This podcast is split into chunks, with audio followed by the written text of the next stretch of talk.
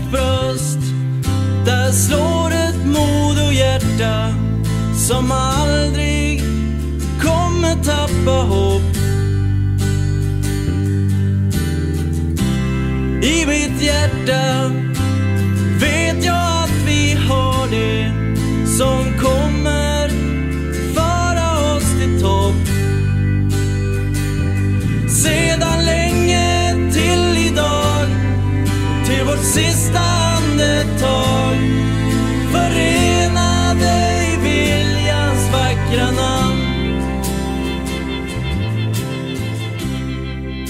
Innan vi drar igång dagens podcast, som vanligt glöm inte att följa poddens sociala kanaler. Där heter vi Akta Fans Podcast och finns på Instagram och Twitter.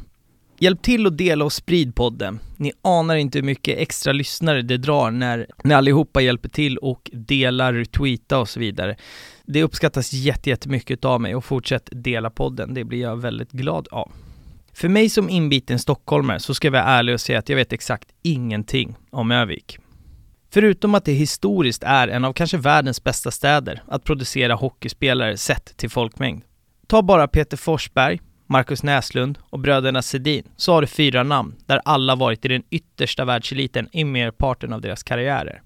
Modo är en superklassisk hockeyklubb som dessvärre de senaste åren halkat i seriesystemen och de senaste åren har den legat på nedre mitten av Hockeyallsvenskan. Vid sidan av sporten så har supporterkulturen alltid levt runt klubben och idag ska vi prata om hur den har förändrats när de sportsliga resultaten uteblivit. Vi pratar om 25 år på Modos läktare. Vi pratar om en hel del bortaresor, däribland en Europaresa, vilket hockeysupportrar inte är alltför bortskämda med. Vi pratar om starten av Modo Tifo Support 2002. Vi pratar om bygget av en logebar mitt på ståplats och vi pratar såklart om supporterkulturens utveckling. Idag pratar vi med ståplats egna Altiallo. Henrik Sjöberg, välkommen till Äkta Fans Podcast. Tack så mycket, tack så mycket. Hur är läget med dig? Jo tack, eh, det är bra måste jag säga. Ja, men vad Det- härligt, att, härligt att höra. Du, Ja. vi ska ju eh, prata en väldans massa eh, Modo idag. Det här har varit på gång väldigt länge ska sägas, det här, det här avsnittet. Sett fram emot det jättemycket och vi har pratat länge inför. Eh, men berätta lite, mm, hur hittade du Modo från, från början och sen berätta lite om din supporterresa? Ja, eh, allting börjar väl med att, som många andra, att man eh, följde med sin eh, förälder liksom på dåvarande camphallen. Fick jag sitta där i knä med han och sneglade väl lite till höger och såg att det var en ståplats där som jag tyckte såg lite rolig ut. Mm. Ja, sen fick jag ju gå genom, genom farsan för att liksom dela ut flygblad och grejer för att få pengar och gå på hockey själv. När jag var, Okej, när jag var alltså till hans företag. Ja. Fick jag pengar av han för att köpa biljetter och gå på hockey. Så från början så var jag väl där relativt ensam. För att jag hade inte så många kompisar som brydde sig så mycket om Modo då jag är uppvuxen kanske ja, två och en halv mil utanför stan. Mm, mm. Eh, började gå på hockey själv och fann nya kompisar där och genom det så fastnade jag kvar bara på ståplats genom att tyckte det var ett härligt gäng och bra människor där. Mm. Man dras ju in i, i, i gemenskapen, det är väl det som är det fantastiska med supportkultur över, överhuvudtaget, att man faktiskt kan komma dit själv och sen går du därifrån med ett, ett helt gäng eh, nya polare. Det är väl det, är väl det som drar eh, väldigt många och det som är häftigt med det, att det är så inbjudande så att säga. Ja, Eh, det är ju liksom, alltså det är, mig personligen tycker jag är bland det vackraste som finns i världen att man kan finna likasinnande som tycker om samma sak som du på en, eh, på en läktare och bara stå och skrika och sjunga. Mm. Det tycker jag är fantastiskt. Ja, jag, jag hade faktiskt den här diskussionen på, eh, på min arbetsplats här för, ja, för några dagar sedan bara, där, där en av mina anställda frågade mig så här att du, hur, eh, alltså vad, vad är grejen? Och då förklarar jag så här, tänk dig att det spelar ingen roll vad du har för hudfärg, vad du har för religion, om du är kort, lång, tjock, smal, vart du är uppväxt, det spelar absolut ingen roll. Kom som där, kom själv, det spelar ingen roll. Och vi kan tycka olika om allt i hela världen. Så länge vi hejar på samma lag så kommer vi kramas eh, när liksom vårt lag har mål. Och det, det hittar man inte någon annanstans. Så, så är det ju liksom. Och det är väl en väldigt inbjudande också för de flesta som, som, som hittar dit när man är, är väldigt ung så att säga. Men Ja. jag tänkte att vi, vi ska ju prata Modo. Först och främst, står Modo för någonting? Alltså jag vet, alltså vad, vad, vad kommer namnet ifrån om vi startar där? Eh, namnet kommer ju från, eh, det finns en fabrik utanför stan här, eh, Domsjöfabriken då. Så det är, där har du Do ifrån. Och så Mo, det är ett eh, ställe, jag tror att det är Moliden som ligger en bit upp, för det går en å förbi där. Mhm. Och då skickar de virke där uppifrån ner till fabriken som de gjorde papper av då. Ah, Och därigenom så, så skapar de eh, supporterklubb då. Eller en supporterklubb, en en förening. idrottsklubb. Mm. Ah, Okej, så det kanske är, det är dels, från början så lär det ha varit de som jobbade på fabriken och eh, ja, de som högg virket kanske. Det började väl att de lirade matcher mot varandra kanske, så blev det väl seriösare, vad vet jag. Ja, exakt. Sen klev ju några människor in och tog över alltihop och liksom startade hockeysektionen och fotbollssektionen och de hade friidrott och bandy och de hade jättemycket. Men nu är det ju bara fotbollen och hockeyn kvar då. Mm, mm. Och fotbollen, jag vet inte om de har ett eh, A-lag längre. Det, det är bara hockeyn nu för tiden.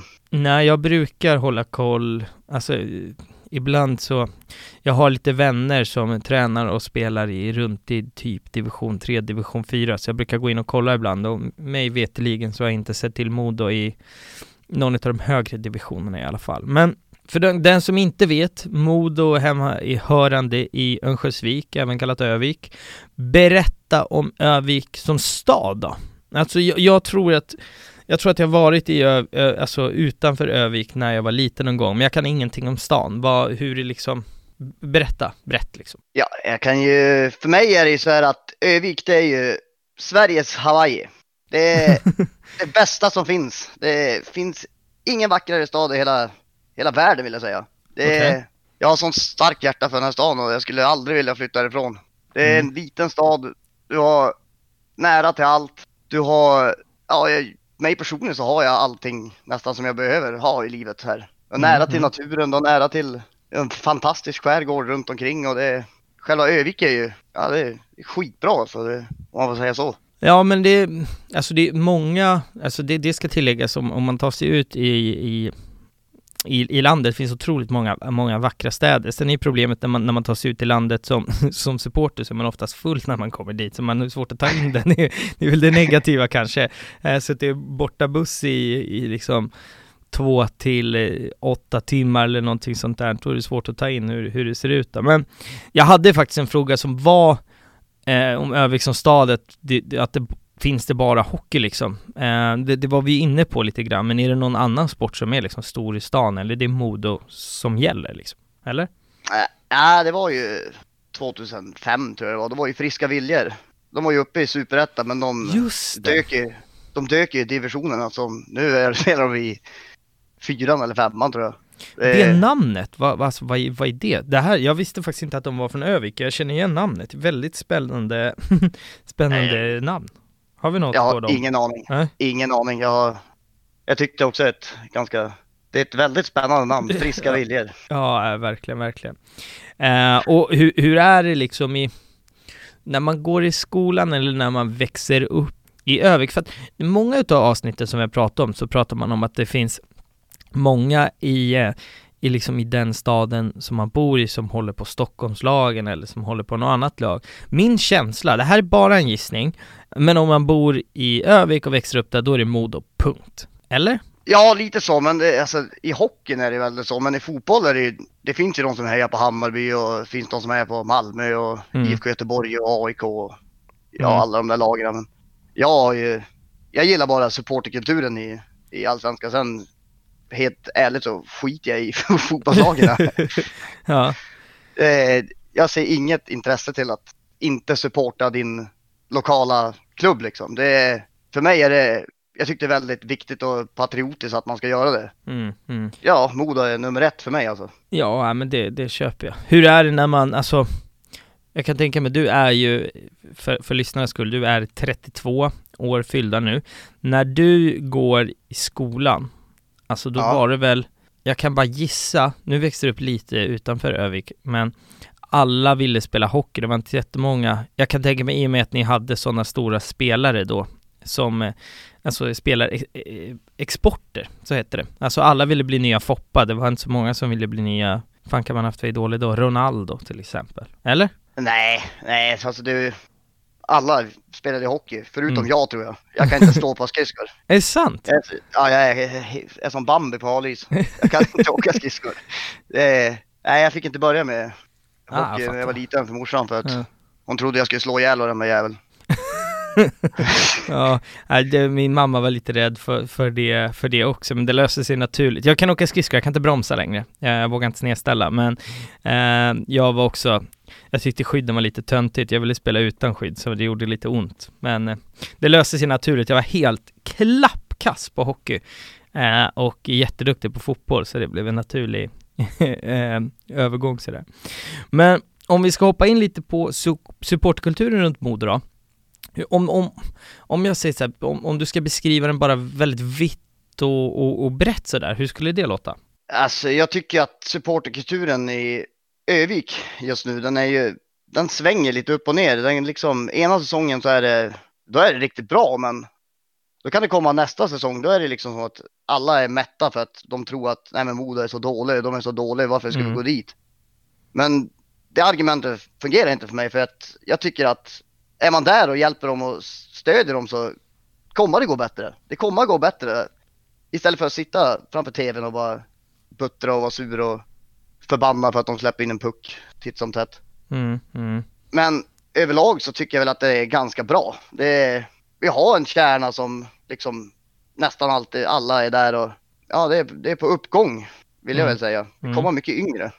Vi, vi kommer ju prata om det eh, egentligen mo- mot slutet här, men det, ni har ju också Modo är ett superklassiskt hockeylag, eh, spelat i väldigt, väldigt många säsonger i högsta ligan, men sedan vad blir det nu då? Fyra, fem år tillbaka så, så gör ni inte det längre, vilket för alla lag spelar ingen roll vad man, om det är rätt eller fel, så, så, så drar det mindre, mindre folk. Vi kommer eh, komma in på det lite senare och sådär också då. Men jag tänker 2002 så händer Ja. någonting. Då startas Modo Tifo Support. Mm, om vi börjar med frågan varför startas det? Vad, vad var det som saknades på läktaren som gjorde att man organiserade sig? Eh, ja, MTS som vi brukar kalla oss då, vi grundades för att det saknades på läktarna att det inte var färgglatt. Det var lite för, var lite för tråkigt på läktaren. Det var bara liksom sång och nästan inga flaggor. Och det Mm. var inga, det fanns inte någon riktig sån supporterkultur som är idag liksom.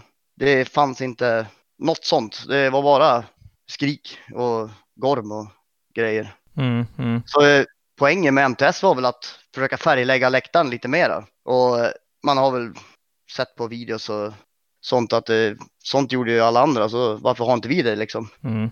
Så det är väl därför det startades.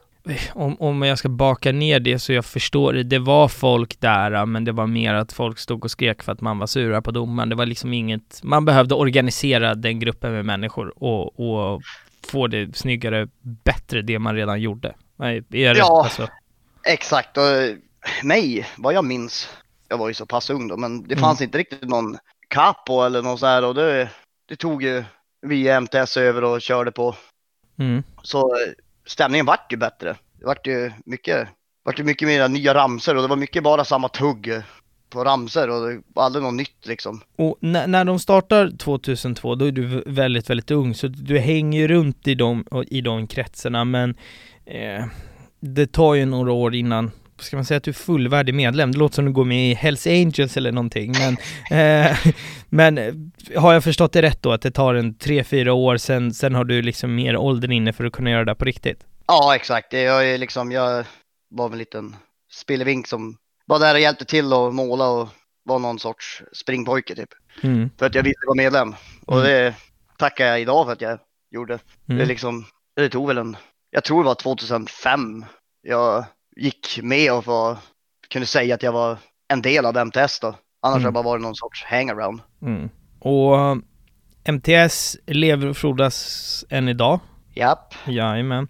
Och om, om du säger, då har ju du, ja vad blir det, 15-16 år i, i, i samma gruppering så att säga.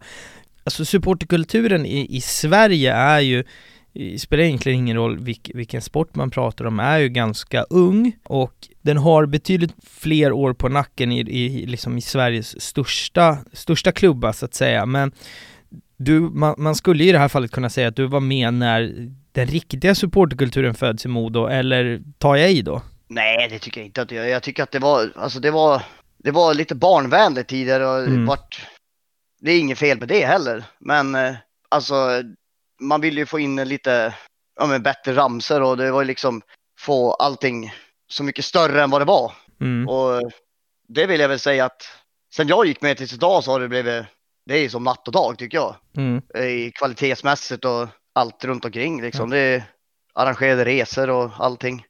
Så det blev mycket bättre. Det, det var min nästa fråga nämligen. Vad, jag ville bara först och främst konstatera att, du, att, att vi är på samma bana, att du är med när, när supportkulturen föds på riktigt och då har du varit med hela resan så att säga. Vad är de största skillnaderna? Vad har ni lärt er på resans gång så att säga? På resans gång vill jag väl säga att vi har lärt oss att kommunikation med folk är väl väldigt viktigt istället för bara, förut var det liksom, nej vi ska, nu ska vi göra det här. Vi, ska, vi har bestämt oss att vi ska, ja men vad vet jag, vi ska måla det här. Mm. Men utan att någon sa ifrån oss och nu är liksom kommunikation med supporterklubben och med själva mod och folk runt omkring. Det har ju blivit A och O att vi liksom byggt upp allting tillsammans och vi har ju varit en väldigt stor familj som har, ja alla har hjälpts åt liksom. Mm. Och de, de flesta är kvar än idag men de är ju med på andra sätt. Hur stor är den här äh, kärnan på ett ungefär?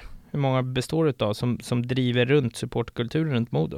Oh, ja det är väl alla vi i MTS.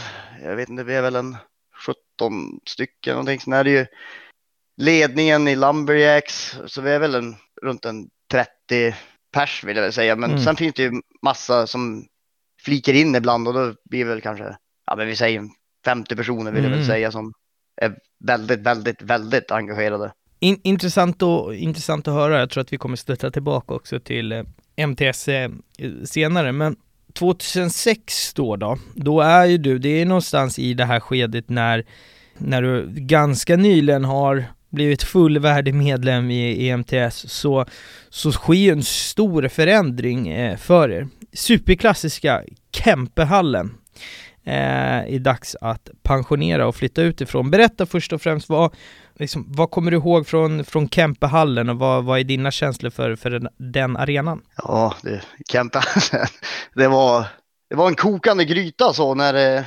alltså, när det var stämning där då, det var ju ta mig fan med världsklass vill jag nästan säga. Det var, det var så högt så att, eh, alltså ljudmässigt där ibland så att eh, det gick inte att prata med dem. Mm. Typ om en domare gjorde någonting fel, det var ju, då fick ju poliseskort därifrån och det var ju, det är så mycket fina minnen och Kempehallen, jag är ju, om man får citera Foppa, alltså är grymt besviken på att de rev den. För Mm. att typ nu när vi spelar i Hockeyallsvenskan och det inte går så mycket folk så hade ju Kempehallen varit en perfekt ställe att spela på tycker jag. Mm. Mm. Nu ligger den ju lite utanför stan men man hade kunnat haft bussar som går dit och sånt. Mm. Så Kempehallen är ju, det är ju ett eh, vackert och fint minne. Vi gjorde ju även ett eh, tifo till Kempehallen när, när vi mötte Björklöven hemma för något år sedan. Och det vart ju väldigt uppskattat. Det var ju, Det kanske vi kan lägga ut på um, Aktafans eh, podcast på, på Instagram och, Twitter. Får vi ge lite, lite kärlek till gamla Kempehallen också. Det som jag reagerar över, idag så spelar ni ju på Fjällräven Center, eller hur? ja, Ja. exakt.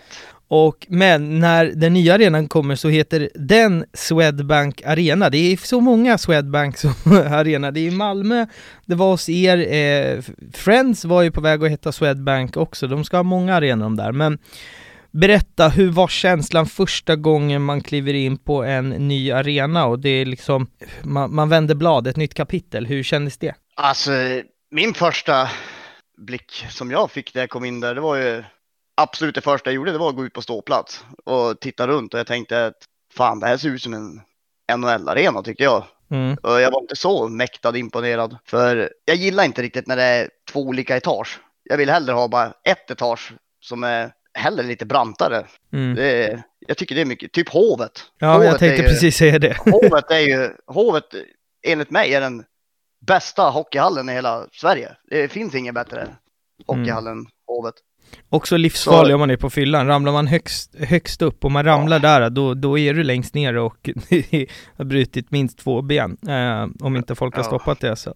Men nej, jag, jag förstår vad, vad, vad, du, vad du menar, speciellt Eh, har man en, en, större sektion och mycket folk så, ja, det är de här branta stora väggarna som det blir är eh, otroligt mäktiga. Men så här med 15 års horisont på det hela, är det så att man fortfarande liksom så här, fan jag saknar det, eller har man gjort Fjällräven Center till, till sitt nu och känns det hemma? Ja, det känns ju hemma, det gör det ju, men det är fortfarande där att våra ståplats vi hade på Camperhallen, det var ju som en, en hel kurva ungefär. Mm. Den var ju den var ju mycket bättre om man till exempel ska göra tifon och grejer. Mm. Den vi har nu, den är ju, ja, den är inte så jättebra, men det går ju. Man får ju vara lite mer kreativ bara. Och... Men jag har sett bilder på er ståplats. Får ni göra så att det, det är många som Alltså den parallellen jag kan dra till exempel är ju om man tar eh, Friends och Råsunda till exempel. Råsunda rullade ju upp big size flaggor.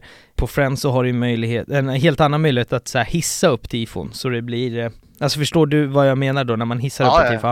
Ja. Är, är det så Jobbar ni så eller kör ni, äh, i och med att ni har två etage och man vill göra en stor målning menar jag? Nej, vi har gjort på båda sätten att mm. vi har liksom hissat upp. Vi har ju, Modo faktiskt varit jäkligt snällt och hängt upp, eh, man kan, jag vet inte vad det heter riktigt, men man stoppar snören emellan så kan man vincha upp dem. Mm. Heter det vinch? Ja, vinch ja, borde det vara. Ja, ja, vinch heter kanske. Och då kan vi hissa upp där. Och så, men ofta släpper vi ut en jättestor OH ifrån det övre etaget ner över ståplats då. Ja. Så, ja, så blandar vi det med ibland med flaggor och ja. krepérullar och det finns det ju andra möjligheter. Man kan ju också ha en OH på ena sektionen och ha flaggor. Man kan ju göra, det blir ju tvåstegstifo, men jag förstår vad du menar att man måste tänka betydligt mycket mer. Annars är det så, okej, okay, vi har eh, 100 gånger 35 meter, det är bara att göra en stor och sen är man klar. Alltså man behöver ju fundera mer när man gör tifon på en sån, eh, alltså på, på en sån eh, Eh, läktare helt enkelt. Jag tänkte bara, det här, det här bollades upp för mig när, när jag när jag såg först Swedbank Arena och Fjällräven Center. Vad tycker du om produktplacering eller företagsplacering i arenanamn? Det fanns ju inte på samma sätt för kanske, ja varken när du eller jag började gå på, på idrott. Vad tycker du om den utvecklingen? Ja, Swedbank Arena, det namnet gillar jag ju verkligen inte, men om jag får säga mitt så tycker jag att Fjällräven Center är ganska bra för det är ett lokalt stort världs, alltså Fjällräven är ju från Örnsköldsvik. Ja, okej. Okay. På det sättet gillar jag det. Men jag hade ju hellre velat att det skulle heta nya Kempehallen liksom. Mm. Det hade jag helst velat. Men jag köper att det heter Fjällräven Center. Det, klubben måste ha in pengar också liksom. Så, så, så det, är det, det är inte så mycket att tjata om. Nej. Ja, det är bara intressant, jag, bara, jag satt och funderade när jag, när jag satt och skrev på det avsnittet att hur det var Swedbank och sen blev det Fjällräven så funderade jag att så här, fan så där var det inte när jag började gå på, på fotboll och hockey, då var det ju liksom det var inga som hette så, Nej. då hade ju alla något ju... fyndigt, fyndigt eh, namn sådär. Idag heter det bara företag. Nu får du rätta mig om jag har fel här, för troligtvis så kommer jag vara fel i uttal eller, eller någonstans. Stora Stå hette eran kurva i Kämpehallen och idag heter mm. den kurva, är det Karl Abel? Eller vad, är jag rätt på det då? Ja, eh, det är väl eh, ett nytt namn som vi ska försöka inflera. Annars är det ju sektion 200 brukar ja. vi bara säga. Det, det är vad det, alltså vad det står där ovanför. Mm. Ståplats. Eller stå bara, enkelt. Ja. Det är liksom, vi försöker att bygga ett namn med någon, med, för Karl Abell, han var ju en, det är ju kabben alltså, han var ju tränare i Modo i, usch, kan det vara 27 år eller vad det var. Och okay. han som liksom, han är ju gudfadern i Modo. Ja det var så min nästa vill... fråga, vem är det? Men nu, ja. du har svarat på det redan. ja, så det är, han är ju liksom, det är han som byggde upp klubben till den, den den är idag liksom. Mm. Och då vill vi såklart hylla honom på det sättet att han är en viktig person för oss mm. och tycker att han borde få, få sitt namn i arenan. Det är väl en uh, otroligt uh, fin gest sådär.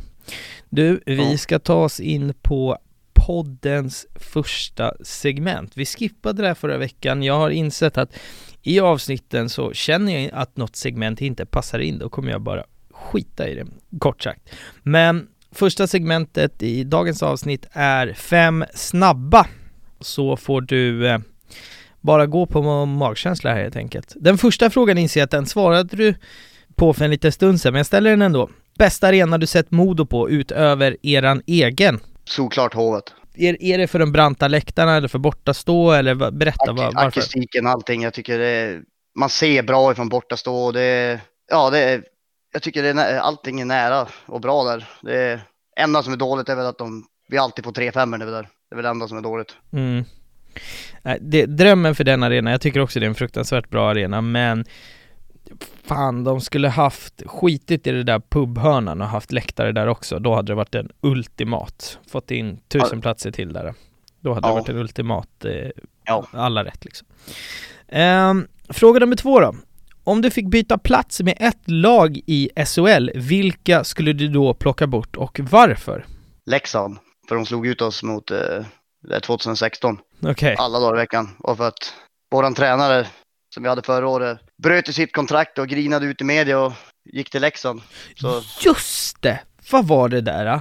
Be- Det var ju, det var riktigt rörigt. Han grät, grät ut i media och var jättesynd om honom. Men egentligen så ville han bara träna Leksand istället, eller hur, hur var det? Kan inte du berätta om det där? Jag kommer ihåg det här. ja, det, det var ju så att eh, förra säsongen bröt ju med corona och pandemin och det då. Modo hade ett jättebra lag och jag är nästan säker på att vi hade gått upp. Mm. Vi var ju där i finalserien mot Björklöven då, så då eh, avbröt de alltihopa för alla och då eh, gick ju Björn Hellkvist, den jäveln, ut i media och sa att han inte hade någon, eh, något engagemang och något, eh, någon ork kvar att göra det här för att det var många spelare som hade lämnat till SHL-lag och utländska klubbar. Och då eh, gick han ut och skrev att han skulle, att han ville träna Leksand. För att Leksand hade hört av sig. Han hade precis, just innan det, skrivit på ett treårskontrakt med Modo. Så han bara, han bara pissade alla supportrar i ansiktet och bara gick sin egna väg. Men det är liksom inte första gången han gjort det. Han har gjort det i Malmö och i Rögle och Oskarshamn tror jag det var. Det är, Det är som så här röriga spelare som bråkar sig ur kontrakt. Det är väl lite, Ja. verkar vara samma med en tränare. Men hur blev den ekonomiska då? Alltså bröt man kontraktet och var tvungen att dega massa stålar eller?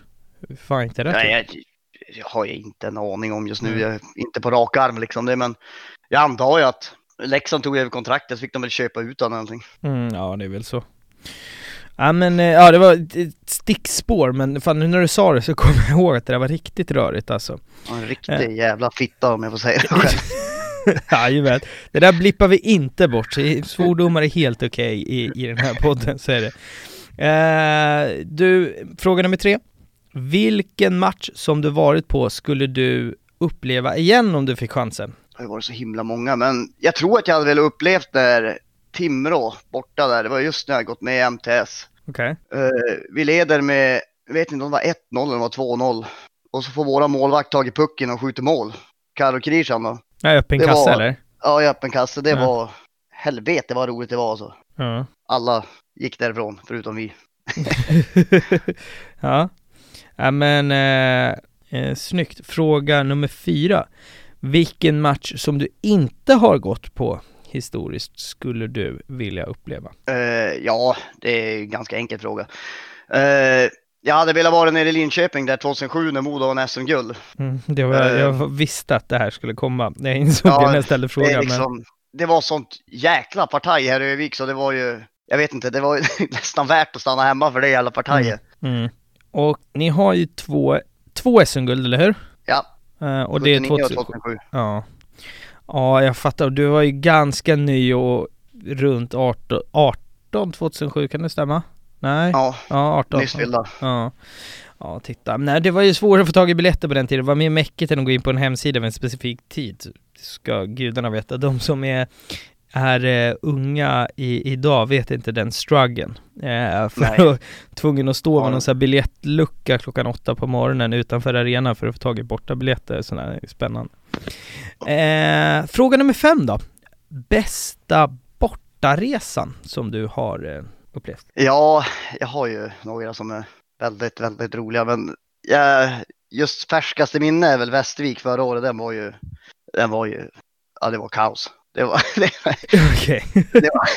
åh herregud så mycket som hände. Ja, men för jag tänker nämligen så här faktiskt att eh, i det här avsnittet så kommer vi lägga eh, väldigt mycket fokus på just away days och eh, bryggan över till away days här är ju, är ju den är för bra för att vara sann egentligen så att jag tänker att vi direkt bara hoppar in på, på away days så att vi kan ju ta den först då. Ja, Västervik eh, borta, berätta vad, vad händer där? Ja, det, det började ju så här att det var ett eh, gäng på nio stycken som skulle åka ner. Och de frågade om jag skulle med, men jag skulle jobba den helgen då. Mhm. Det slutade med att dagen innan så tog jag ledigt. Sen var vi fyra stycken som hoppade in i en bil och körde efter dem. Drog ner till Västervik. Sen var vi nere där, jag vet inte hur många vi var, men vi kanske var 15-16 stycken. Och härjade och led riktig jävel. Gick på, gick på matchen. Torsk såklart, i vanlig ordning när man är modoit. Alltid torsk. Och, men eh, det sket vi just då, så vi skulle, vi skulle ut och partaja liksom. Så då hade ju någon av de här killarna fixat så att eh, vi skulle få någon jävla VIP-bord på någon nattklubb där som heter Palladium. Okej. Så vi, vi rullar in där då och när vi kommer dit så säger ägaren att eh, polisen har hört av sig Mhm. och sagt att eh, vi får inte komma in där för vi är bara där för att slåss och bråka och grejer. Och han hade ju sagt bums bara i helvete heller, de här grabbarna ska in, de har betalat och de ska in. Mm. Ja, så vi kommer in där och det är ett sånt helvetes, att det är så mycket sprit på bordet så att det finns inte 75 och det är öl och det är cider och det är shottar och det är... Så vi suger i oss allt det där och vi pissfull om jag får säga så då. Mm. Det börjar bli, börjar bli eh, väldigt stökigt, stökigt och det vi... Vi träffade några gamla Modo-spelare som har spelat i Modo som vi stod och surrade med. Och sen eh, skulle vi ju, eller en kompis med mig komma och säga att en annan har blivit tagen av polisen. Mm. Han har gått ut och jag vill tillägga att den här killen han är ju kanske 1,95 lång. Mhm. Så ligger han på marken utanför och det, det är en dvärg som sitter på hans rygg och, och bryter ner han. Som, som, han vågar inte slå honom och göra någonting för att han är vakt. Ja. Så han fick ju följa med dem då till fyllehäcken och vi fortsätter gå in och festa. Och det är ett jäkla hålligång och de stänger väl klockan två eller tre där. Mm. Så vi ska börja, alla har gått ifrån så jag är själv kvar. Okej. Och jag vet ju inte vägen tillbaka. Så jag går efter vägen där och så till slut så hittar jag till för jag frågade några vars eh, hotellet låg och jag kom dit. Och då märker jag att en annan kille, han är ju, han är ju spårlöst försvunnen. Vi får inte tag i honom. Okej. Så vi ska, vi ringer han, vi ringer han och han svarar inte. Så jag och en annan kompis eh, ska ju gå ut och söka efter honom på stan. Mhm. Så vi går ut och så tänder vi en cigarett och och surrar. Och så kommer ju nästan det roligaste av allt i hela historien tror jag. Då springer en hare förbi. Okej. Och min kompis, min kompis tittar på mig och säger Du får 40 spänn om du nyper den här haren. För att jag löper efter haren och ramlar och bryter finger. och får, får tillbringa natten på sjukhuset då. Så det var, 40 Det var- spänn också, det är en dålig peng. Inte så Ja, här men- en röding swish utan 40 spänn. ja men, ja vi är lite så att man, vi utmanar varandra i allt. Ja, ja, men det är kul. Okej, Så, så att Så- ja, stökig, stökig helg i, i, i världsmetropolen Västervik, låter ju fantastiskt. ja, Västervik det är en riktigt bra stad. Jag kan ju tillägga att han som, eh, han som var eh, spårlöst försvunnen, han hade ju somnat i trapphus och spytt ner hela den. Så det var ju spya överallt där. Mysigt. Ja, Ja, fy fan. Uh, men, Okej, grymt. Vi har också, jag har ju snappat upp eh, några, eh, några matcher. Det, det som jag gör nu för att öka kvaliteten på, på avsnitten är att för varje avsnitt som går så försöker jag prata mer och mer med gästerna innan just för att det är svårt att veta vad vi ska prata om för att det är ju du i det här fallet som vet det är du som är manus lite sådär så att jag har några, eh, några matcher som jag har snappat upp och jag har också eh, Jönköping borta, ska du få berätta om.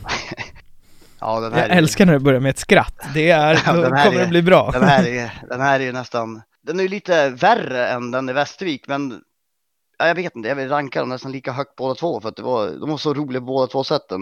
Ja, Den här gången var det jag som satt i minibussen och så var det ju tvärtom några som tog en bil då dagen in, eller var på morgonen de bestämde sig, jag kommer inte ihåg.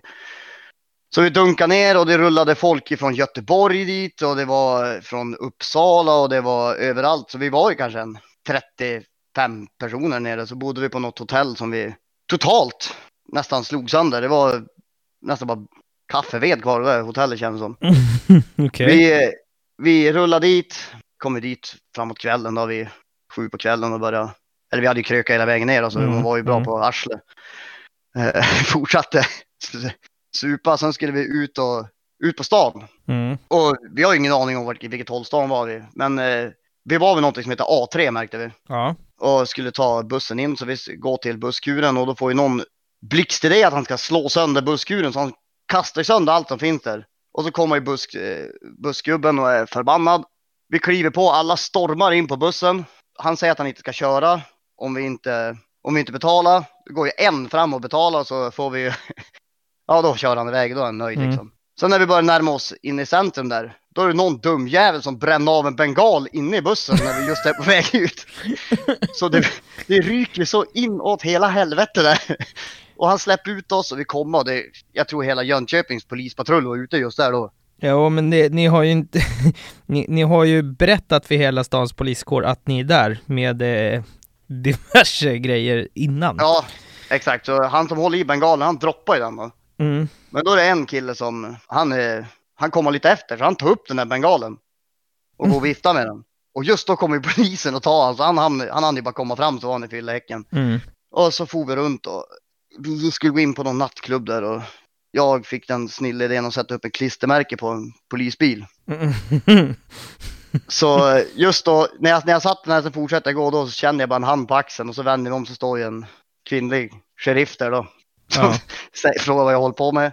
Ja, hon var ju jättesnäll liksom. Och hon bara tar bort den där så skiter det liksom. Men då kommer någon, man får säga så, någon, någon Hitler i polisvägen ja. och skulle bums ge mig böter.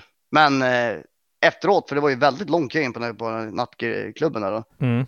Ja, de bara eskorterade in mig liksom. Och det, här är jag med dina kompisar. Ja, men de vill väl inte ha folk själva ute på stan. Det brukar ju vara så att det bästa med alla supportrar i en annan stad är ju bara skicka in dem på samma pub, då är det lätt att hålla koll på dem. Ja, det var ju liksom. Men eh, hela helgen fortsatte väl sådär och så dagen efter var det match mot HV Mm. som jag tyvärr inte kommer ihåg hur den, hur den slutade nu men Mm. förmodligen förlorade vi i vanlig ordning. Jag tänkte precis säga det, torsk eller? Men ja, eh, det måste väl.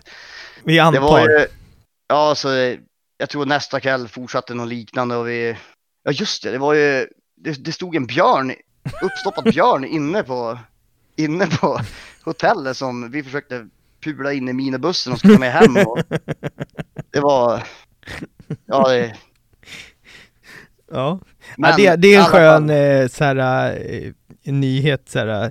Borta supportrar snodde uppstoppad björn. Det hade blivit en kul artikel ändå.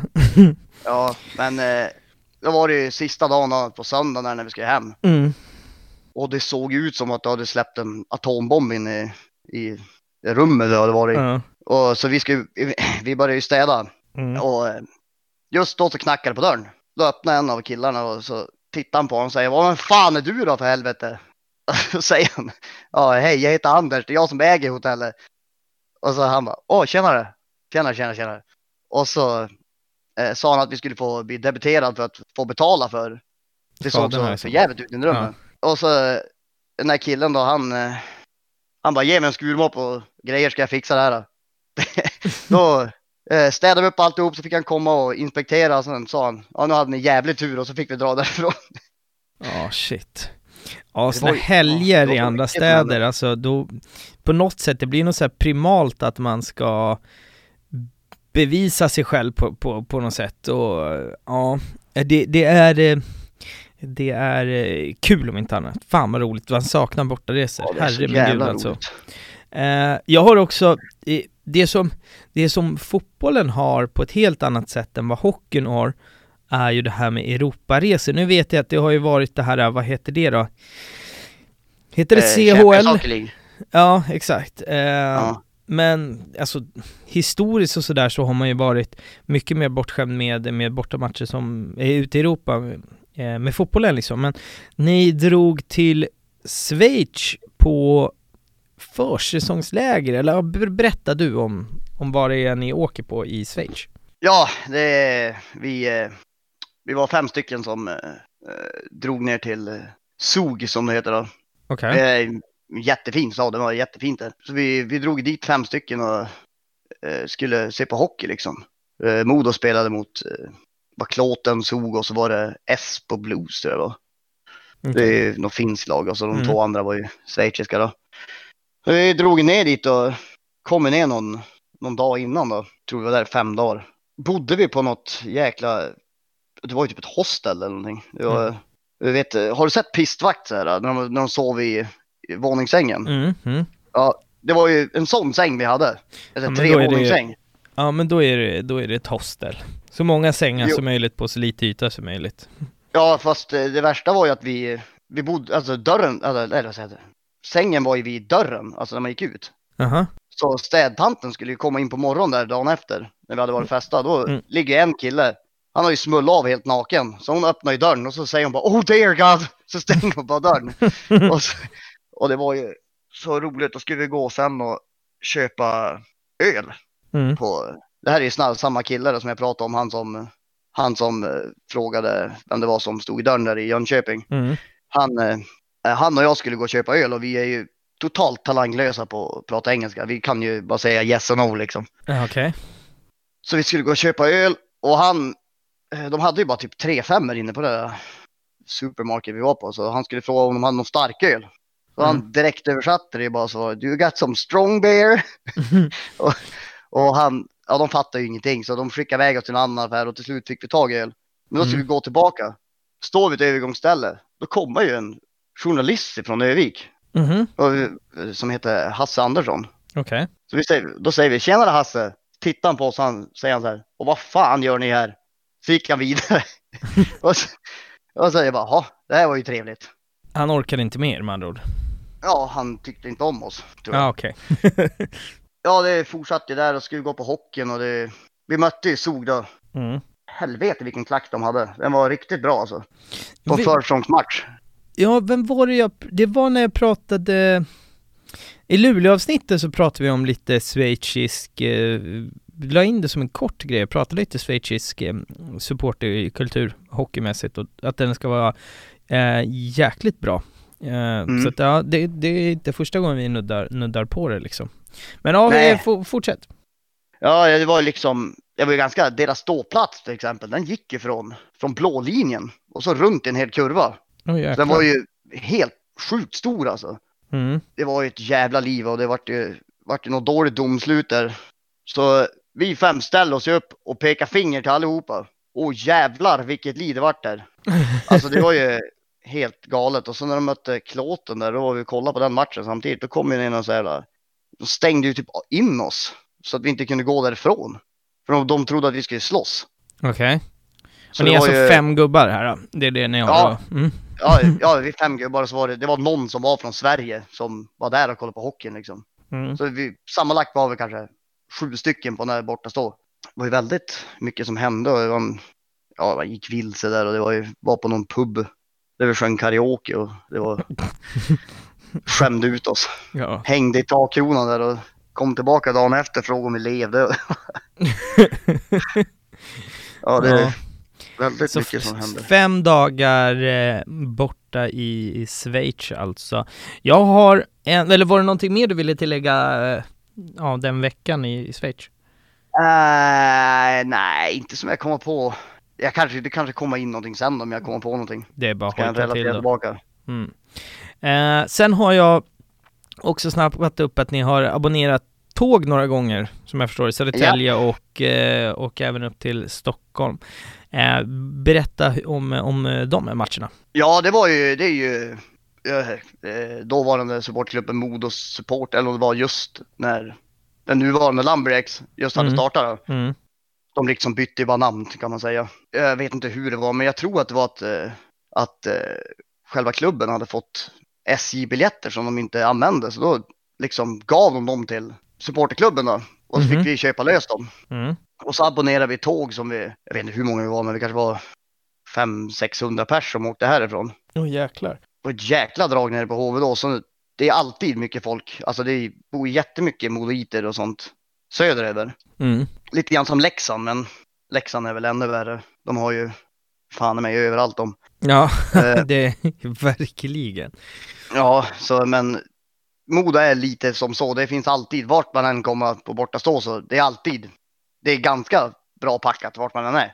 Men det finns ju några klubbar, just hockeyklubbar, det där har jag aldrig Alltså de största klubbarna i Sverige förstår jag att folk som bor i mindre städer hejar på Men alltså typ Brynäs är en sån Man ser, jag ser Brynäs-kepsar typ en gång, eller två gånger i veckan kanske uh, Modo ser man också lite lite då och då. Leksand ser man också jätteofta. Det är, just hockeysupportrar är väldigt utspridda över landet, är, är min känsla. Ja, jo, men jag tror det har, det har väl att göra med att det är många som flyttar härifrån söderöver och så lär de med sina barn att heja på det laget. Och Mm, mm. det är väl lite så tror jag.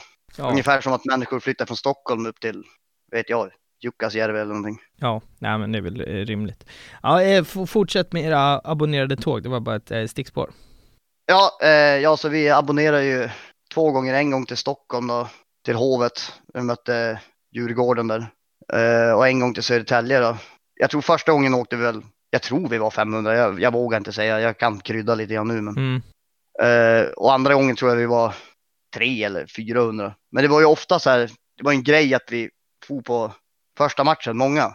Ja, Så är det väl för många lag och då blev det liksom, de gångerna blev det Södertälje och Djurgården. mm. Och det är väl inte något mycket mer att säga det än att vi, vi var jävligt många bara. ja alltså 500-600 i bortaklack på Hovet, det, det är mycket folk. Ja men det, mot Djurgården den gången, det spelar ingen roll hur många man var. De, de levde ju om, det var helt sjukt alltså. Det, är det högsta ljudkulissen jag varit med om inne i Hovet i alla fall. Nu är inte jag, jag är inte det största fanet utav Djurgården som förening. Nej, Tvärtom vet jag. kan jag vara, vara ärlig och säga, men man kan inte, hur mycket än försöker vrida och vända på den föreningen, så kan man inte säga någonting annat än att de är fantastiska på sina hockeyläktare. Där Ja, det är har de man... Eh, Där är de nummer ett. Det kan ingen ta ifrån dem. Nej, och det är frågan om de, alltså nummer ett i Sverige, enligt många, den ljudkulissen som också kan bli på Hovet. Uh, sådär, det är många som hävdar att Alltså idrotten i USA är någonting annat, de är betydligt många fler på NHL, men det är inte det trycket. Så att, och, och hockey finns inte så jävla många länder, så jag tror att de är och eh, de är nog nuddar enligt mångas ögon på kanske världens bästa hockeypublik när de är på det humöret. Sen kanske inte i alla lunkmatcher, men när den är topp så är den otrolig. Så är det. Ja, Jag tänker att vi ska, alltså vi har varit inne lite på att prata om lite, lite klubbar, men med rivaliteter och sådär, vilka är era största rivaler? för mig personligen så, alltså jag blir nästan, om jag får säga så, spyfärdig när jag säger det, men det, Mm. det är ju Luleå. Alltså det är, jag fullkomligt hatar Luleå hockey. Det, det finns inte på, så fort någon nämner Luleå så får jag agg i mig. Så, så illa är det. Okej. Men ska man tänka annars så är det väl alla Norrlandslagen. Det är väl Björklöven, Timrå, Skellefteå. Sen har det väl varit Brynäs där sedan 99 när vi förlorade i finalen där i Kempehallen. Så det har väl varit, men det är väl personligen så, jag tycker inte om någon annan klubb än Modo men Nej, men så blir det väl. Men man kan ju... Det, det handlar väl inte om att man tycker om eller inte tycker om. Vissa klubbar bryr man sig inte om. Det handlar väl mer om, om det liksom. Men berätta lite om den här rivaliteten eftersom vi, vi trots allt har haft ett avsnitt som var väldigt uppskattat med just Luleå. Eh, så är det väl intressant att höra, eh, höra rivaliteten från, från andra hållet. För vi pratade just om, om Modo eh, en del i det avsnittet. Nej, men det har väl varit liksom att man, vi har spelat mot dem så många gånger och förut fanns det ju Norrlandsserier, så då mötte man ju Luleå några gånger och det var ju alltid grisiga matcher och det var ju, de var ju jävligt grisiga på läktaren och det var ju mycket stök och bråk runt matcherna och det har alltid varit det när man möter Luleå. Det, det är alltid, det är en rivalitet som, jag vet inte, jag, jag, jag har bara fått höra av folk, några där uppifrån att de tycker inte om oss så jävla mycket heller men Nej. det är liksom, det är ganska roligt det perspektivet att det är liksom Björklöven och Skellefteå som hatar varandra så jävla mycket. Och sen så är det vi och Luleå och vi ligger längre ifrån varandra Mm. och de två i mitten. Ja. Så man ska tänka avstånd så borde det vara eh, Björklöven som, jag vet inte riktigt varför, det har bara, det har bara byggts upp över åren, man, man har blivit lärd liksom att man inte ska tycka om dem. ja, jag, jag, jag fattar. Och hur kan de matcherna, alltså om du ska beskriva en, för jag antar att du har varit i Luleå och kollat på Modo x antal Mm. gånger och du har definitivt sett dem eh, hemma i Övik x antal gånger. Beskri, beskriv en sån match. Det har ju varit väldigt, det är mycket skrik och gorm och kasta grejer och det är jävla hålligång runt om matchen. De brukar ju, de har ju farit ner hit några gånger liksom. Mm. Och då har, det, har de abonnerat pubbar och sånt. Och då blir det ju, ja det händer grejer på stan och sånt. Och det har ju varit hänt grejer där uppe och det, är- det är alltid, alltså det är ju roliga matcher det där ju. Mm. Det är ju de matcher man vill gå på, men man tar ju, jag tar ju inte liksom med mig syskonbarnen dit för att kolla mig. Nej. Är, så vill jag inte, men det är, mig personligen så tycker jag att det är de roligaste matcherna, men jag hatar Luleå så jävla mycket om jag får säga det så. Ja, det får man faktiskt. Ja, det, jag kan inte beskriva det på något bättre sätt än... Ja, men det, det låter ju, känslorna som, som du beskriver låter ju väldigt mycket så, så som jag kan känna när, när jag går på ett derby. Det är de roligaste matcherna. Alltså de två, två bästa dagarna år efter år är ju derbyna mot, mot Djurgården, för mig till exempel. Dels så har vi Mm. historiskt gått ganska bra mot dem och eh, det är en fantastisk eh, dag och inramning sådär. Men jag skulle ju inte ta med mig någon som jag inte är tillräckligt gammal för att liksom ta hand om sig själv på en sån match. För att då Nej, har man exakt. fullt fog ta hand om sig själv oftast också. Eh, Ja. Sådär, men eh, så, så jag förstår vad, vad, du, eh, vad du menar.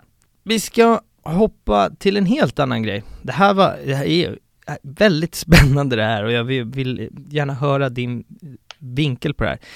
Eh, jag tror att det här är 2014 som, det, här är en sjuk grej faktiskt. Så har vi en, eh, en, en VD som, ja, klubben behöver stålar helt enkelt, så man bygger en eh, loge mitt i klacken. Eh, be- berätta om eh, vad det är som händer här. Ja, ja jag blir så jävla ledsen. det, det var ju så att eh, våran ståplats var ju liksom, den var ju på uppgång och det var ju liksom, det var ju på väg att det skulle bli, alltså ganska bra då att vi började få med oss, för alltid har det varit så att vi har, det ena sidan som har varit klacken och andra var det så här, ja men om det är med familjen och bara vill stå liksom och ta det lugnt och kolla på hockey. Mm. Men det började just bli så här att det började sprida sig lite grann runt omkring i hela ståplats. Att folk stod och sjöng och det var på eh, uppgång. Då eh, får ju den här eh, idioten för sig att hon ska bygga en eh, loge mitt på våran ståplats. eh, Mm. Och det blir ju ett jäkla liv alltså. Det, när vi får reda på det här, vi stormar ju ner till arenan och frågar vad fan de håller på med liksom Mm. liksom, hur fan kan ni göra det här då? Ni, ni måste ju liksom, ni måste prata med oss aktiva så att så vi har någon inblick i det här och kan hjälpa till och, Mm. och liksom utveckla det så. Om ni så bum ska ha det så det kan bli bäst för båda parter. Mm. Ja, men det var ju så jäkla mycket hittan och dittan så vi, vi bestämde oss för att vi skulle gå upp på ståplats, skulle hon visa oss hur det var. Ja, så vi traskade dit då med den där Charlotte som hon hette. Mm. Och så står hon och visar oss hur, alltså hur den ska vara. Mm. Eh, var, vart den ska vara så. så.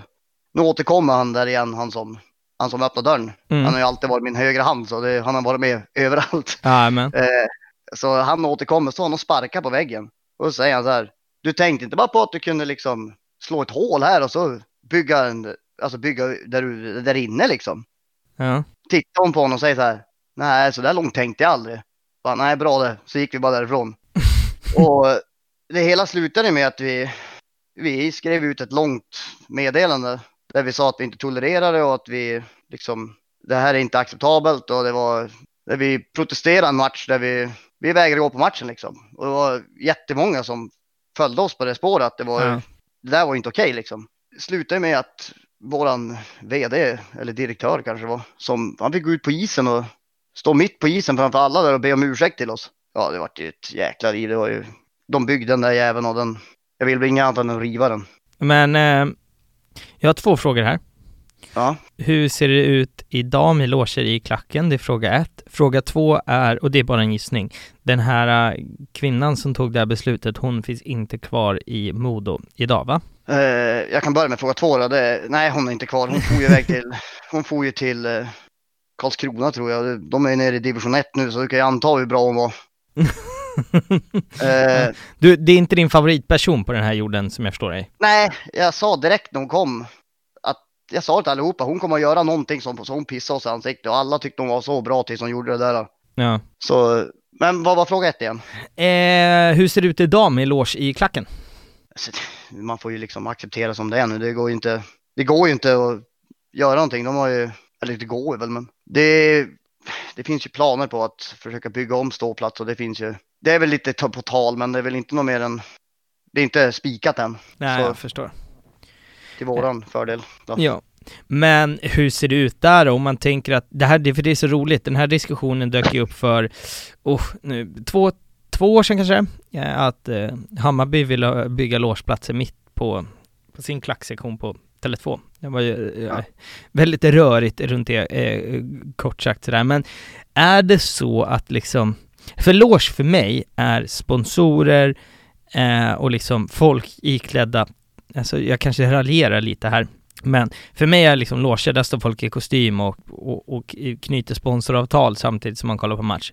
Är det så att liksom du och dina polare kommer dit och har druckit lite bira och i liksom full matchutstyrsel, sen bredvid så står det liksom fyra, fyra snubbar i kostym och dricker skumpa och alltså är det så det blir i klacken eller alltså hur blir det på plats? Nej, nej, nej, nej, det, alltså det, det, det dumma de också gjorde, det var ju att de liksom, de har ju satt in som glasskivor framför så de är inte liksom med i klacken heller. Det är liksom, det är en loge, en vanlig mm. loge.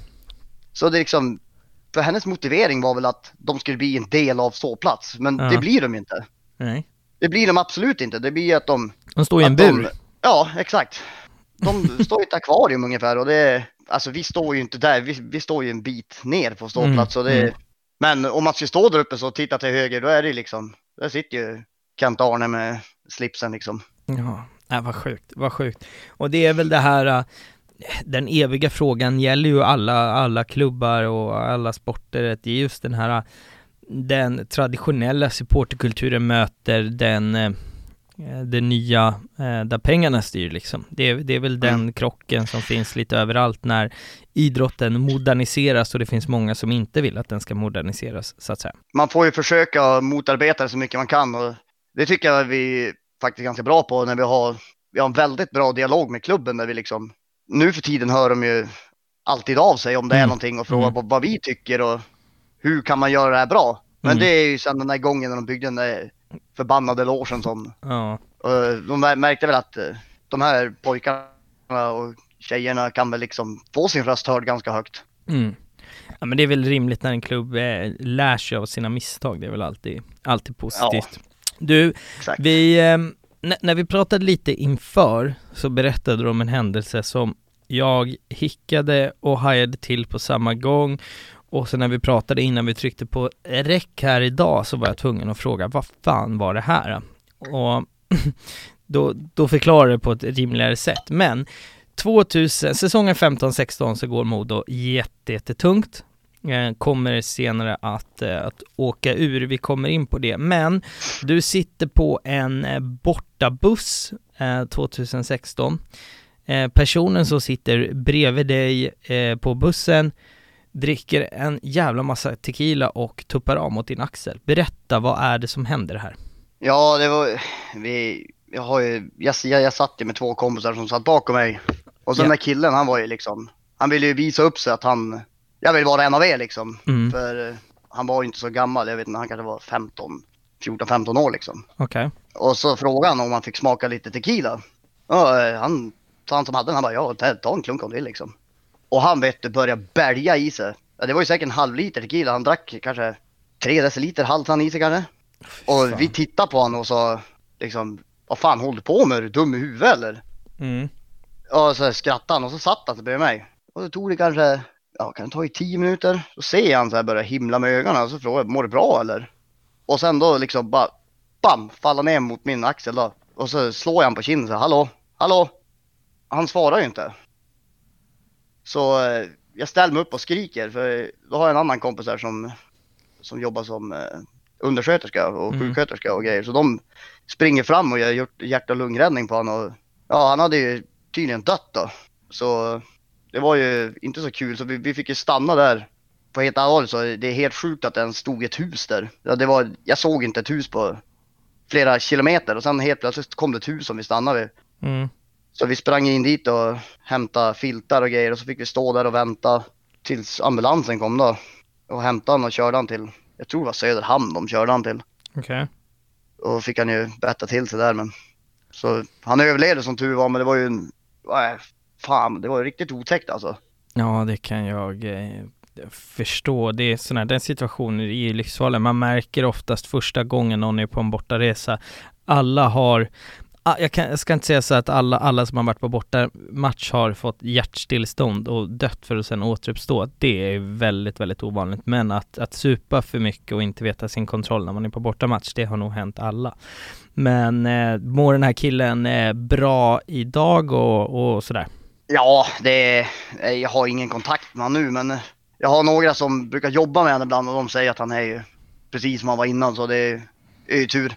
Ja, det är väl, väl otroligt skönt eh, det. Nej men, när du förklarade det här för mig, när du skrev till mig så sa ja jag var på bortamatch och en kille dog på min axel. Och sen var det punkt där, det var hela förklaringen jag fick och jag bara, vad i helvete vad är det som pågår här nu? Och sen när vi pratade innan, då förklarade jag nej nej alltså det, det, det var lugnt sen, men eh, för en kort stund. Så jag tänkte, hjälp. Ja, när du bara, så här, iskall och bara förklarade så han dog på min axel och sen var det punkt och inget mer med det liksom. Sådär. Men eh, det som händer sen i slutet av den här säsongen är ju att eh, eh, ni åker ur, helt enkelt. Eh, och det här leder mig lite in på veckans sista segment så här mot slutet, som är rätt eller snett. Mm, för det som inte vet vad det är så handlar det, det är en, en fördom, ett påstående jag har och sen är det upp till dig att bedöma om jag är rätt eller snett på det. Så här låter veckans rätt eller snett. Man hade känt att Övik var en större stad än vad den var, med USA-exporten av spelare, men efter degraderingen så landade faktumet att så kanske inte var fallet. Rätt eller snett? Uh, ja, det vill jag väl säga liksom att många, många trodde väl liksom att Modo var bäst liksom. Mm. Och många, många var ju liksom tvärt emot. Men det har alltid varit den där återkommande att ja, men vi har ju, vi har ju producerat Peter Forsberg, Marcus Näslund, bröderna Sedin och alla som nu finns i på listan där. Mm. Jag har aldrig varit någon som har tyckt att de är, ja, nog fan, alltså Peter Forsberg, för mig är han gud så, men mm. alltså det är ju inte så att jag vill ranka han som den bästa moditen så och jag vet inte riktigt hur jag ska förklara det här, men folk tror att själva, inte Övik, men att Modo var större än de var. Så kanske man kan formulera det. Mm. När de har åkt ur så har de fått lite mer verklighetsuppfattning att ja, men vi är en liten skitklubb egentligen. Liksom. Det, vi är inte så mycket bättre än Västervik då, till Nej. exempel. Nej men det var lite det som var min, min, min tes, att det kändes som att så här, vi, vi har eh, producerat de här gubbarna det är vi som håller taktpinnen i svensk hockey och sen helt plötsligt åker man ur och har ekonomisk kris och hamnar tolva i Hockeyallsvenskan, att det blir en liten så här, äh, ja men en, en liten örfil och en reality check som är äh, Ja men där, där man inser så här, fan så bra kanske vi inte var. Man, man inser sin plats i näringskedjan eller hur man nu ska uttrycka det. Det var mer, mer så min tanke var. Liksom. Jo, men det var ju lite så också att vi var ju nere och haltade där i, alltså vi var ju så nära att åka ut hur, jag, jag tror det var i ja, det måste vara i fem, sex år var vi nära. Vi klarade oss med nöd och näppe och det var kval och det var, det var allt. Så det var ju liksom en väntad grej att vi skulle åka ut. Mm. Det var ju liksom, men det var ju ändå, en, när det hände, det var ju som att hela stan gick i depression typ. Mm. Det var ju, så känner jag i alla fall. Det var ingen höjdare den sommaren. Nu har inte jag gått på hockey, det vet alla som har lyssnat på den här podden på, på, på ganska länge. Jag tror jag slutade gå något år när AIK var upp uppe, jag vet att det var på någon match i slutspel mot Luleå, där kanske 2013 eller något sånt där. Uh, men hur deppigt är Hockeyallsvenskan i jämförelse med SHL? alltså helt allvarligt, mm. uh, jag älskar Hockeyallsvenskan. Jag tyckte mm. det är så jäkla kul att komma till, ja men typ Västervik, en liten hall. Det är liksom, det är kallt och det är, det är inte så höga läktare så, det, det är bara en liten stenplattor du, du står på liksom. Det men sen kan man ju fara till, ja men typ Hovet då, då har du en full stor arena. Mm. Och det, det, det, är så blandad kvalitet på alltihop. Mm. Själva hockeyn är väl inte det bästa. Det är det absolut inte, men jag tycker till exempel att supporter och sånt runt omkring är ju mycket, mycket bättre i Hockeyallsvenskan än vad de är i SHL. För där är det är lite storhetsvansinne på många där uppe tycker jag.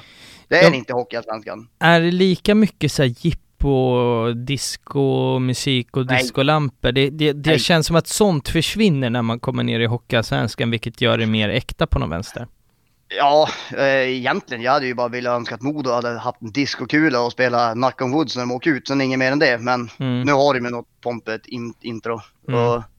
Otroligt töntigt tycker jag. Det här, för jag klarar inte ja. av hockeyn efter det ser jippo-aktigt alltså. Ja, det är lite, lite töntigt måste jag säga. Ja, alltså någonting kan man alltid ha. Ett, ett, ett bra intro och spelarna känner sig välkomna. Men det finns ju folk som, eller lag ska sägas, inte folk som, som tagit det till ny nivå, musik i pauserna och sådär. Men det, det verkar ju som att hockeysupportrar runt om i landet har, de organiserade i alla fall, har vaknat upp och och försöker mer och mer att bli av med det här diskodunket Ja, som vi, är liksom. ja det, det måste jag säga. Det är många som är väldigt bra på det där. Typ Linköping fick ju väl bort all musik. Jag hörde när du pratade med Luleå, de har väl börjat men jag Mm. tycker att det, hela deras hall är ju bara en stor discohall. Det blinkar ju och lever om överallt där. Mm. Ja, men Säger du det med att du, att du hatar Luleå eller är det så? nej, det är båda två. det, nej men eh, de har ju såna här LED-stolpar på plexit som blinkar och det är, Ja. ja det är allt. Men det Det- känns ju överlag som, det får jag känslan i alla fall när jag gör den här podden, att, att eh, mycket av eh, hockeyn vill, vill gå mer åt, åt fotbollens eh, håll Ja. med mer liksom, eh, där det är eh, supportrarna som skapar inramningen och inte ljudanläggningen. Lite så. Ja, exakt. Det vill jag väl säga också. Mm. Och sen är ni ju på gång. Modo går Ja. ju bra igen. Och man känner att nu, nu händer det. Nu är vi på gång upp.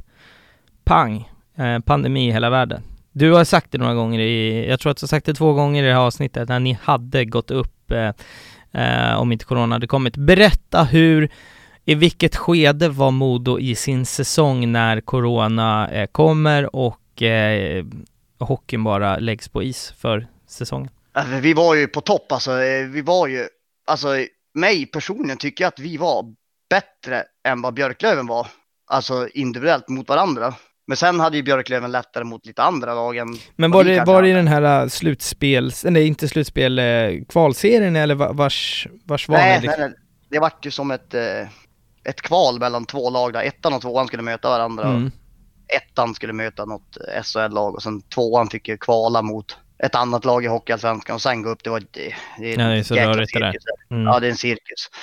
Uh, men, så vi, vi går ju och vinner första matchen när Magic Magnus gör mål där. Sen ska vi gå på andra matchen och då stängde vi ner alltihop. Då var det dags att vi ska hem och matcha. Mm. Och dagen efter så stänger de ner allt. Och Björklöven vann ju andra matchen där, men jag ger mig fan på att hade vi fått vara där allihopa, för det var ju, alltså det var så laddat alltså. Det Mm. är helt sjukt alltså. Jag ger mig fan på att vi hade vunnit den och sen hade vi vunnit en match till och så hade vi fått eh, kvala mot eh, Oskarshamn eller vilket lag det nu var och spöa skit med dem. Jag är Mm. 110% på det. Mm, jag tänkte precis Men- säga hur många procent säker är du? Men 110, det räcker. Ja, jag är Ah. 110 på det.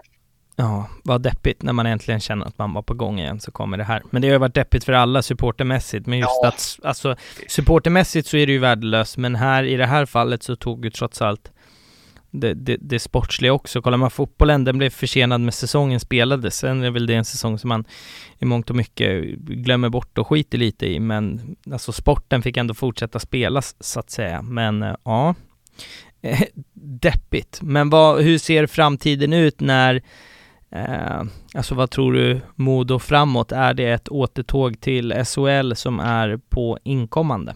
Inte i år. Det ligger så jäkla... Nu är de ju, nu är de ju där de hör hemma igen. Längst ner.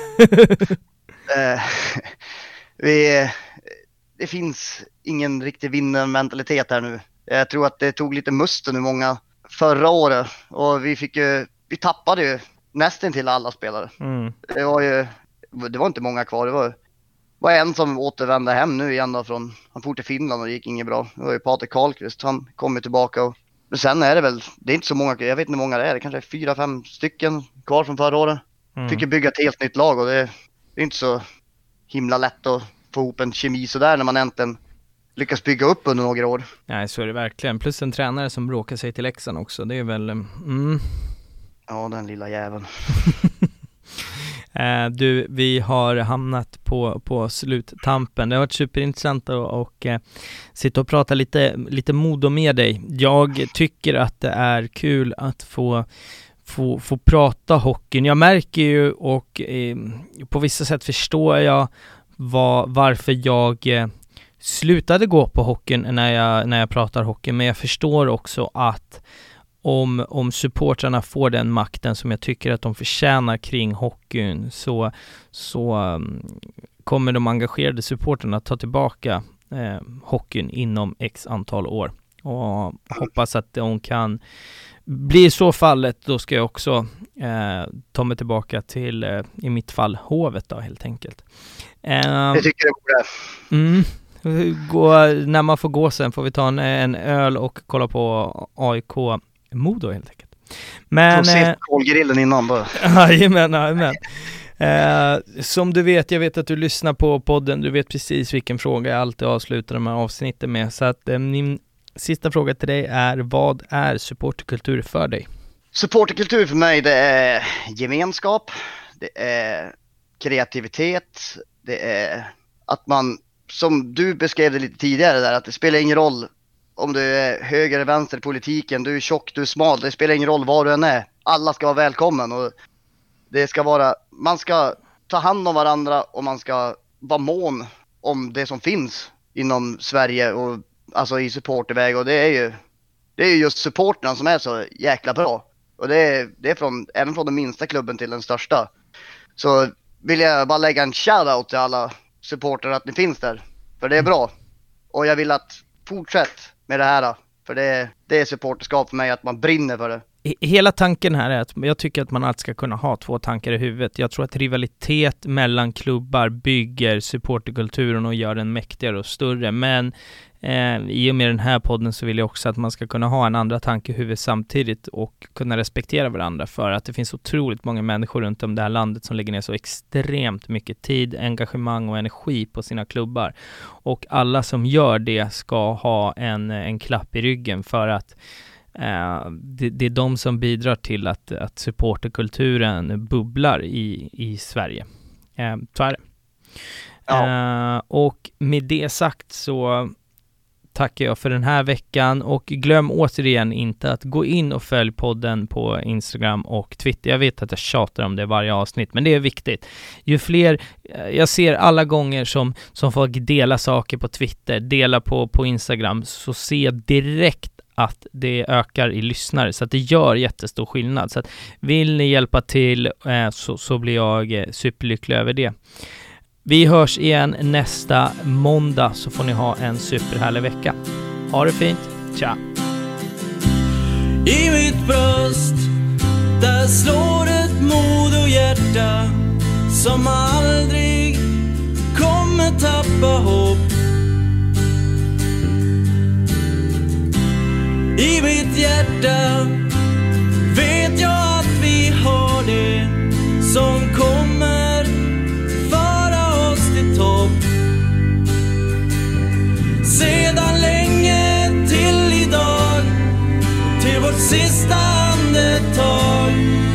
förenade i viljans vackra namn.